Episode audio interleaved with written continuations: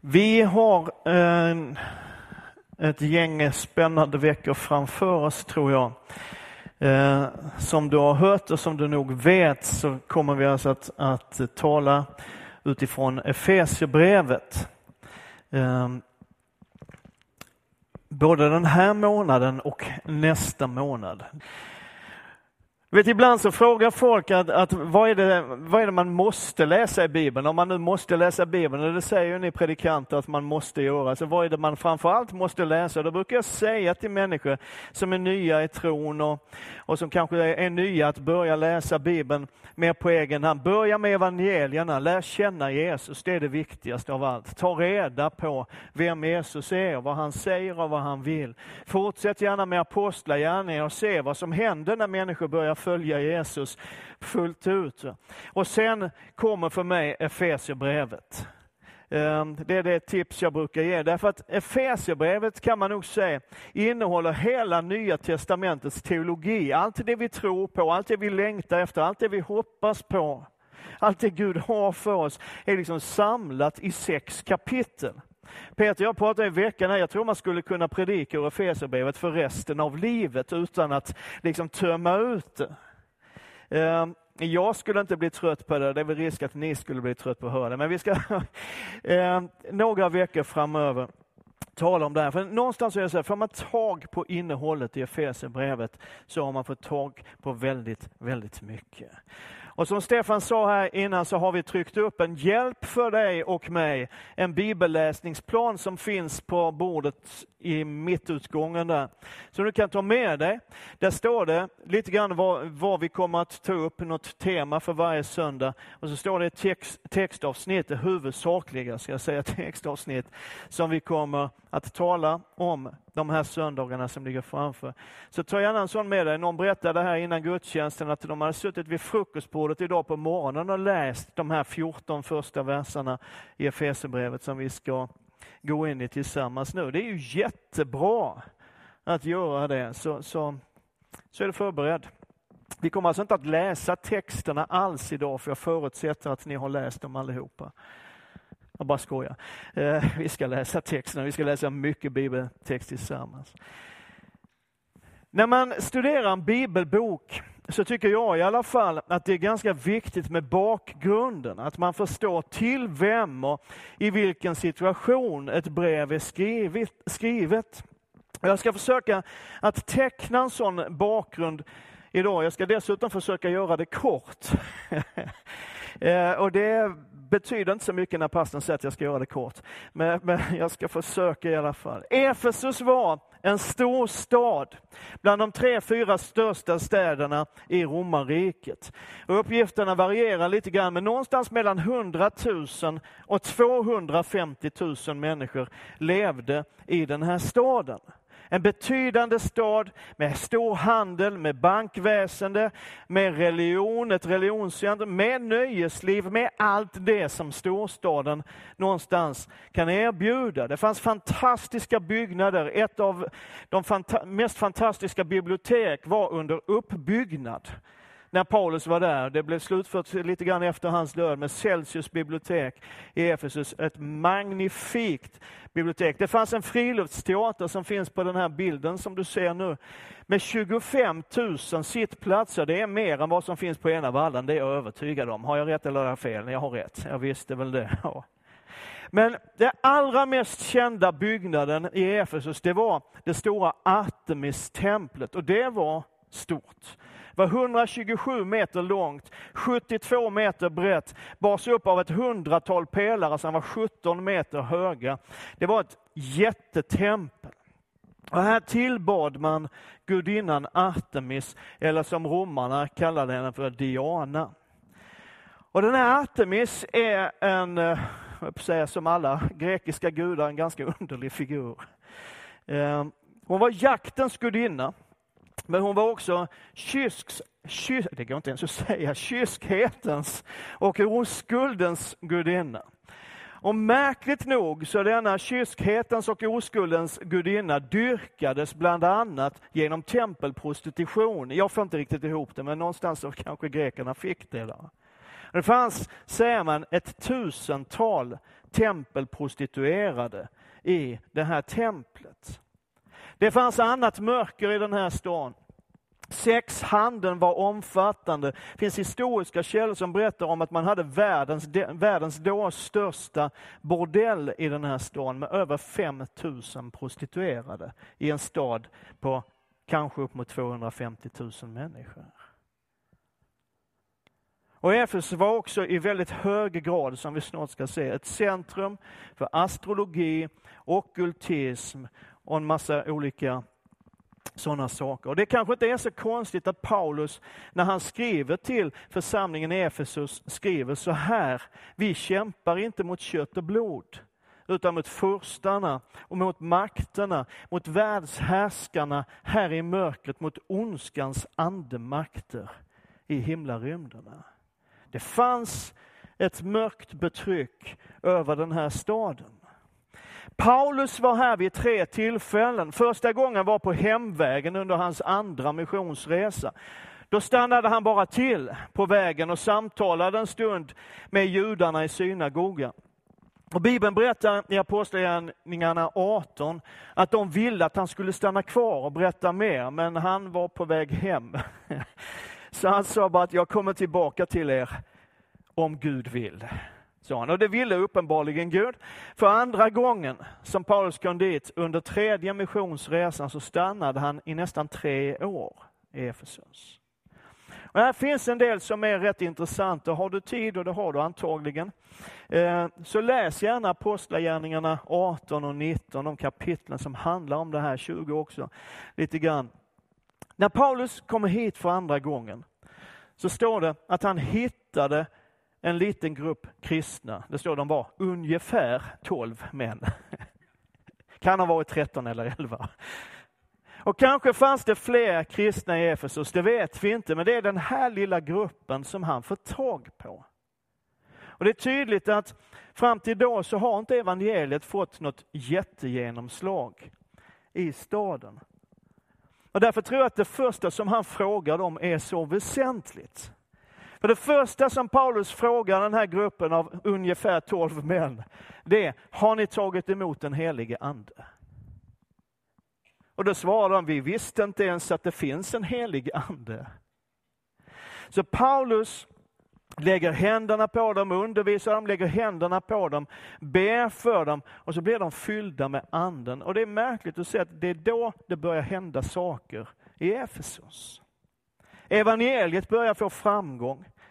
Paulus börjar i synagogan undervisa judarna, men eftersom några, står det, inte ville tro, vilket indikerar att de flesta trodde, eller hur?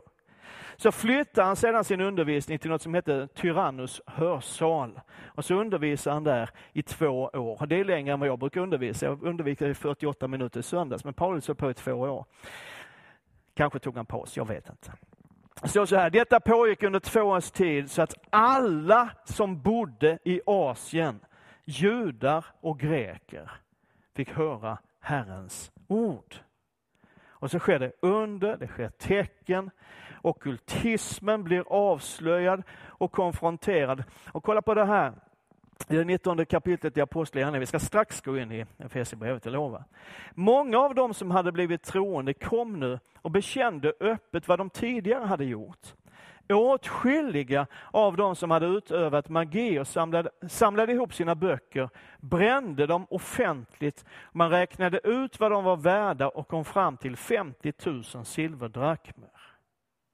Så jag fick ordet framgång genom Herrens kraft och visade sin styrka. Två viktiga saker i det textavsnittet. Evangeliet förvandlar människor. Precis som Paulus sedan undervisar om i hela Efesierbrevet. När man tar emot Jesus så händer någonting på insidan som gör att man lämnar det gamla bakom sig. Och så går man in i någonting nytt. Man släpper det som liksom hör till det gamla sättet att leva, för det finns ett nytt, så mycket bättre liv. Det andra som man kan se i den här texten är att det var många som kom till tro. Många och åtskilliga, står det. Och det är rätt häftigt att tänka på det här med 50 000 silverdrakmer. Det är ett rejält bokbål, tror jag. Eh, för en silverdrakma, det är samma sak som en denar och en denar var en dagslön för en normalarbetare. Så det man bränner upp här, det är 50 000 dagslöner. Vilket vill i vår tid, om man skulle räkna väldigt lågt, skulle motsvara ungefär 50 miljoner kronor, eller hur? Och kanske var det inte värdet av själva böckerna. Några kommentarer menar att det handlar om de inkomster som kunskaperna från de här böckerna liksom kunde ge till de som, de som hade det. Men hur som helst, man gjorde sig av med det gamla. Ett genomgående te tema i Efesierbrevet. Lägg bort det som hör till det gamla livet och lev i det nya. Och så fick ordet framgång genom Herrens kraft och visade sin styrka. Och det gick så långt så att det blev upplopp i staden på grund av predikan, evangelium. Du vet, det var många som tjänade pengar på okultismen och på den här Artemiskulten. Och en av dem, en silversmed som hette Demetrius, han tillverkade sådana här små souvenirtempel i silver. Har du varit på någon turistort någon gång? Allt sådär krimskramset. Han gjorde dem i silver, det var ju lite bättre än plast made in Taiwan. Men han såg tillsammans med andra att hans inkomst började bli hotad, vilket talar tydligt för vilken framgång evangeliet fick i stan. Han samlade dem och även andra som hade liknande arbeten och sa, ”Herre, ni vet att vi har vår rikedom från den här verksamheten. Men ni både ser och hör hur den där Paulus, det är ett skönt uttryck, har fått med sig en mängd människor inte bara i Efesos utan i nästan hela Asien med sitt tal om att gudar gjorda av människohand inte skulle vara några gudar. Det är risk att inte bara vårt hantverk får dåligt rykte, utan också att den stora gudinnan Artemis tempel tappar sitt anseende och att hon som dyrkas av hela Asien och hela världen förlorar sin storhet. Och så blir det ett kolossalt upplopp i staden. Det är totalt kaos. Det finns en bibelvers som jag tror är en av de roligaste i, i Nya Testamentet, där det står att, att det var allmän förvirring och de flesta visste inte varför de hade kommit dit. Står det. Vilket påminner mig om de flesta liksom, frikyrkliga församlingsmöten. Men, nej. Under de här tre åren så har evangeliet stor framgång. Församlingen växer från nästan ingenting till en av de största, mest betydelsefulla. Men när Paulus några år senare samlar för sista gången församlingsledningen i Efesos, så varnar han dem. Varnar för svåra tider, för tufft motstånd, för inre strider, för villoläror och idéer och partisöndring och allt vad det nu kan vara. Och det är den här situationen in i den här situationen som Paulus skriver sitt brev till församlingen. En växande församling i en stad fylld av mörker och människor som längtar efter ett hopp. Och när Paulus börjar Efesierbrevet så börjar han med en fantastisk och makalös utläggning om vad Gud redan har gjort i och genom Jesus. Det finns uttryck som i honom, i Kristus, genom Jesus Kristus och liknande sådana uttryck som finns tio gånger. Bara i, i de här verserna, vers 3 till 14 i det första kapitlet. Och Det är tydligt att Paulus vill understryka någonting. Han vill liksom poängtera någonting. Visa oss något väsentligt. Att det är i Jesus Kristus och bara i honom som vi har allt det som Gud vill ge och redan har gett. Han säger att i Kristus är vi välsignade med allt, i honom är vi utvalda. Genom Kristus är vi förutbestämda att bli Guds barn. I honom friköpta och förlåtna. Genom den älskade har vi fått del av nåden. I Kristus har Gud en plan för oss. I Kristus sammanfattas allt. I honom har vi vårt arv och i Kristus har vi vårt hopp. I honom har vi tagit emot anden. Vad är det Paulus säger? Han säger att det finns ingenting i Guds rike utanför Jesus Kristus. Ingenting. Och Det som är intressant är, det är att när Paulus börjar med att inpränta att allt vi har och allt vi är, det har vi i, med och genom Jesus Kristus. Sen talar han i några kapitel om hur man kommer in i det nya livet, det är bara nåd. Och sen så talar han om hur man lever det nya livet. Och sen när han avslutar, då är han någonstans tillbaka där han började. I det sjätte kapitlet så talar han om vapenrustningen. Och grejen är att allt det som Paulus talar om där, sanningen, rättfärdigheten, friden, tron, frälsningen och andens värld som är ordet, allt det refererar till Jesus. Vet varenda av de grejerna så står det på olika ställen i Bibeln, han är vår, han är vår, han är sanningen, han är vår rättfärdighet, han är vår frid, han är trons fader och, och eh, upphovsman och så vidare. Han är ordet också för den delen. Allt det refererar till Jesus och vi ska titta mer på det i den sista predikan i den här serien någon gång i framtiden. Han börjar med i Kristus har vi allt. Och han slutar med, så iklä er då Kristus, ta på er Kristus och lev i honom. Allt handlar om Jesus. Välsignad, skriver Paulus, är vår Herre Jesu Kristi Gud och Far, som i Kristus har välsignat oss med all andlig välsignelse i himlen. Smaka på det lite grann. Välsignad med allt. Välsignad med allt. Men Gud håller ingenting tillbaka. Jag har sagt förut, jag säger det igen för det är lite roligt att säga det. Det finns ingen gräns. Men samtidigt är det så här, du kan inte bli mer välsignad än du redan är. Amen. Du blir inte mer välsignad än vad du redan är, för Jesus, Gud har i Jesus Kristus redan välsignat dig med allt vad han har. Och vet, ibland så ber du och jag som om vi inget har. Om vi tror att det är vår röstvolym och hur länge vi ber och hur hårt vi kämpar och hur många dagar vi fastar och allt vad vi avstår och allt vad vi håller på med. Att det är liksom det, det kommer att förlösa någonting från Gud över mitt liv. Som om vi i dagsläget ingenting har. Som om Gud håller tillbaka. Är du med mig nu? Som om det finns någonting mer Gud måste göra för att våra liv ska fungera. Som det finns någonting mer Gud måste göra för att väckelsen ska komma till Enköping. Som det finns någonting mer som behöver ske med oss, som Gud måste göra och, och liksom förlösa i oss. För att nådegåvor ska komma i funktion, för att våra liv ska komma i funktion, för att det ska bli vad Gud har tänkt. Men Bibeln säger att han har redan gett allt. Romarbrevet 8 säger, han som inte skonade sin egen son utan utlämnade honom för oss alla, hur skulle han kunna annat än att också skänka oss vad?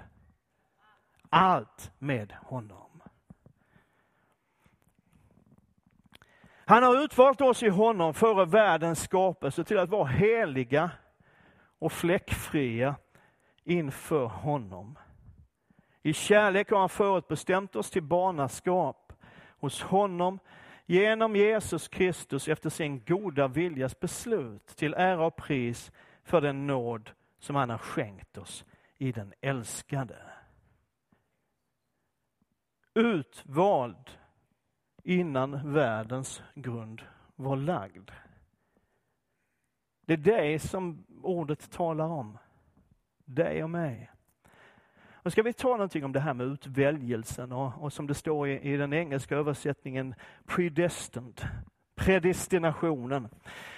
För de allra flesta svenska kristna så betyder det ungefär ingenting, men ibland så, så kan man få lite problem. Och I den här tiden som vi lever så kan man se en, en liten trend av någon sorts neokalvinism som dyker upp. Alltså den reformerta läran om predestination, om förutbestämmelse, som i korthet går ut på att Gud har redan bestämt vilka som ska bli frälsta och vilka som ska gå förlorade. Och det, det, har liksom aldrig haft något jättegenomslag i Sverige, men det kommer en liten rörelse på den, det temat. Hur är det egentligen det här med utvald före allt annat och liksom förutbestämda? Har Gud utvalt vissa till frälsning och andra till att gå förlorade? Ska vi ha en debatt om det? Nej. En av mina favoritteologer, en tysk som heter Karl Barth, han är hemma hos Herren nu, men han har förklarat det här på ett fantastiskt sätt. Han var själv reformärt, kalvinist, men han köpte inte riktigt den kalvinska läran om förutbestämmelse. Han sa så här, det är Jesus som är utvald. Är du med? Jesus blev utvald både till upphöjelse, till ära och glans och till förkastelse. Han hänger på korset, ensam, övergiven och ropar Min Gud, varför har du övergett mig? Men han är lydig in till döden, döden på ett kors och därför har Gud upphöjt honom och gett honom det namn som är över alla andra namn. För att i namnet Jesus alla knän ska böjas och alla tungor bekänna Gud Fadern till ära att Jesus Kristus är Herre. Jesus är den utvalde. Amen. Och i honom är vi utvalda. Och utanför honom är vi inte utvalda. Så när vi är i honom så är vi utvalda förutbestämda. Varenda en som kommer in i Kristus är förutbestämd till barnaskap hos Fadern. Men Gud har inte bestämt vilka som ska komma in i Kristus, utan det finns bara en stor öppen famn. Välkommen hem. Och när vi kommer in i honom, när vi blir ett med Jesus Kristus, så är vi de utvalda. Amen.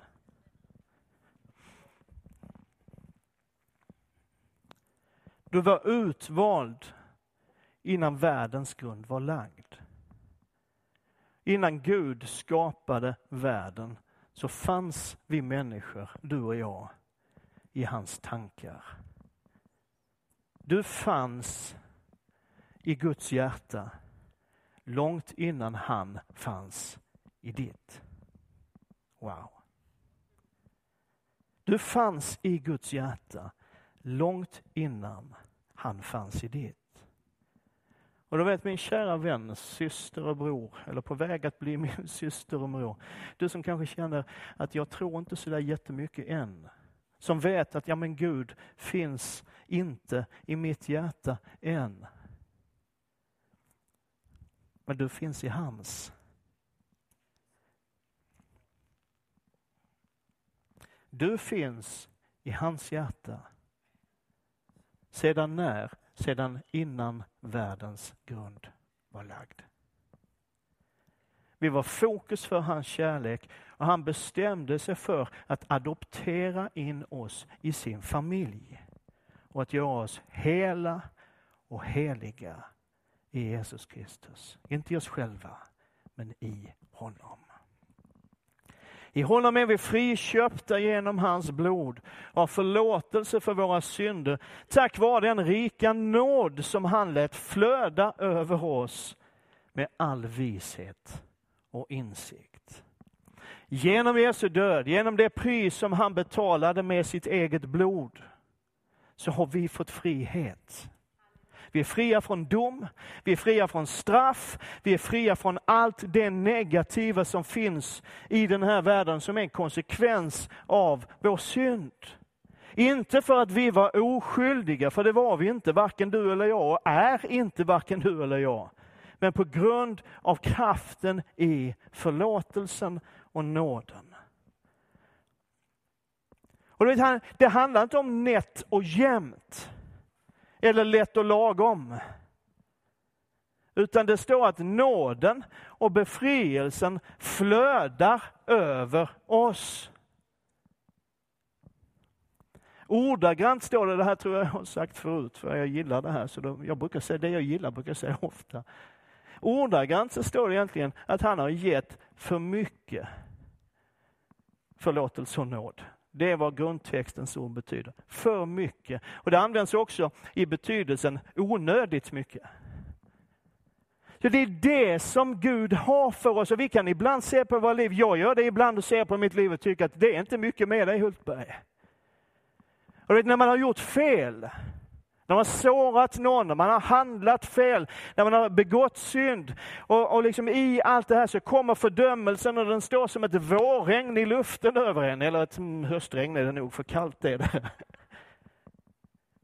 Och du känner igen det här, liksom, det blev fel, jag gjorde fel, jag sa fel, jag var där jag inte borde vara, jag såg det jag inte skulle säga, jag sa till honom eller henne det jag inte skulle ha sagt, det blev fel. Och så bara känner man. Att jag undrar om, om det räcker för mig. Och så säger Guds ord att Gud ger onödigt mycket nåd. Vet du, det måste ju betyda att det räcker. Det måste ju betyda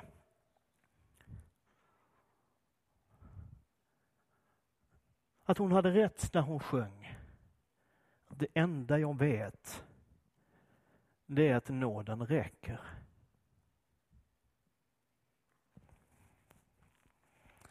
Det måste betyda att Nils Frykman hade rätt när han skrev sin fantastiska sång. Och vad jag älskar den sången. Nu är jag nöjd och glad. Kan ni den? Kan vi sjunga den? Nej. Det är en fantastisk sång. Det finns en story i den sången som är makalös, men det kan vi ta en annan gång.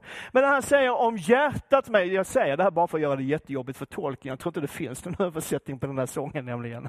Om hjärtat mig fördömer, köttet gör besvär. Har du varit med om det någon gång? Ja. Lasse har. och några till. Den trösten jag ej glömmer att Gud dock större är. Och så säger han så här, och det är ju så läckert formulerat, att nåden väger mera än all min uselhet. Smaka på den. Nåden väger mer än all min uselhet och pris vare lammet för det. Han har låtit oss veta sin viljas hemlighet enligt det beslut han har fattat i Kristus. Den plan som skulle genomföras när tiden var inne att sammanfatta allt i himlen och på jorden i Kristus. Gud hade en plan, det finns en gudomlig tanke med allt som han har skapat, allt som han någonsin har gjort och allt som han någonsin kommer att göra, att sammanfatta allting i Jesus Kristus. Jag har en sorts framtidsbild, vet du, när, vi, när vi är hemma en dag, när vi är i himlen och har, har liksom kommit till vår slutdestination, så funderar jag på, vad handlade alltihop det här om egentligen? Vad gick det ut på? Liksom hela, och då, då, ser vi och fattar liksom hela Guds frälsningsplan från evighet till evighet. Vad, vad gick det ut på? Och så upptäcker vi, det gick ut på Jesus. Allt är skapat genom honom och till honom. Han är alfa och omega, det vill säga början och slutet. Han är densamme igår, idag och i evighet. Allt handlar om Jesus. I honom har vi också fått vårt arv, förutbestämda till det av honom som utför allt efter sin viljas beslut. För att vi som först har satt vårt hopp till Kristus ska bli till hans ära och pris. I honom har också ni, när ni hörde sanningens ord, evangeliet om er frälsning, i honom har också ni, när ni kom till tro, fått den utlovade helige ande som ett sigill. Anden är ett förskott som garanterar vårt arv. Att hans eget folk ska befrias till hans ära och pris. Den helige ande som ett sigill. Ett sigill, det vet du vad det är? Det är, det är liksom en stämpel, schmack. Som är ett tecken på vem du och jag tillhör. Andens närvaro i ditt liv är tecknet på, beviset, garantin på att du tillhör Jesus. Och så säger Paulus att anden är ett förskott. Någon, eh, någon bibelöversättning säger att det är en handpenning. Eller en försmak, eller Bibel 2000, en borgen. Det vill säga, det är någonting som säger oss att det kommer mer. Eller hur? En handpenning är inte hela beloppet. Om du betalar hela beloppet som handpenning så är du dum. För det, det är liksom inte meningen. Utan en handpenning, det är ett tecken på att det kommer mer. Eller hur? Så allt det vi upplever av Andens ljuvlighet, av det fantastiska som Gud gör i den här tiden, i våra liv, i vår församling, i vår stad. Allt det som Gud gör genom Anden i våra liv är en handpenning. Garantin för vårt arv, det som ska komma. Amen. Det finns mer. Sen finns det nog mer redan här. Det betyder också att allt är inte här och nu. Det finns ett uttryck där man säger redan nu, men ännu inte. Det finns en handpenning här, men det finns ännu mera där. Och nu ska jag fuska lite grann. Förlåt Elisabeth som ska predika nästa söndag. Jag ska nämligen gå in i texten för nästa vecka. Eh. Väldigt, väldigt kort. Jag ska inte sno så jättemycket för det. Men jag behöver få säga det här. När Paulus har målat den här fantastiska bilden som jag i korthet bara har plockat några bitar ur nu. Den fantastiska bilden av vad vi är och vad vi har i Jesus Kristus. Allt. Nåd, förlåtelse, barnaskap, allt. När han har målat den bilden så skriver han så här jag ber att era hjärtans ögon ska få ljus så att ni förstår vilket hopp han har kallat er till.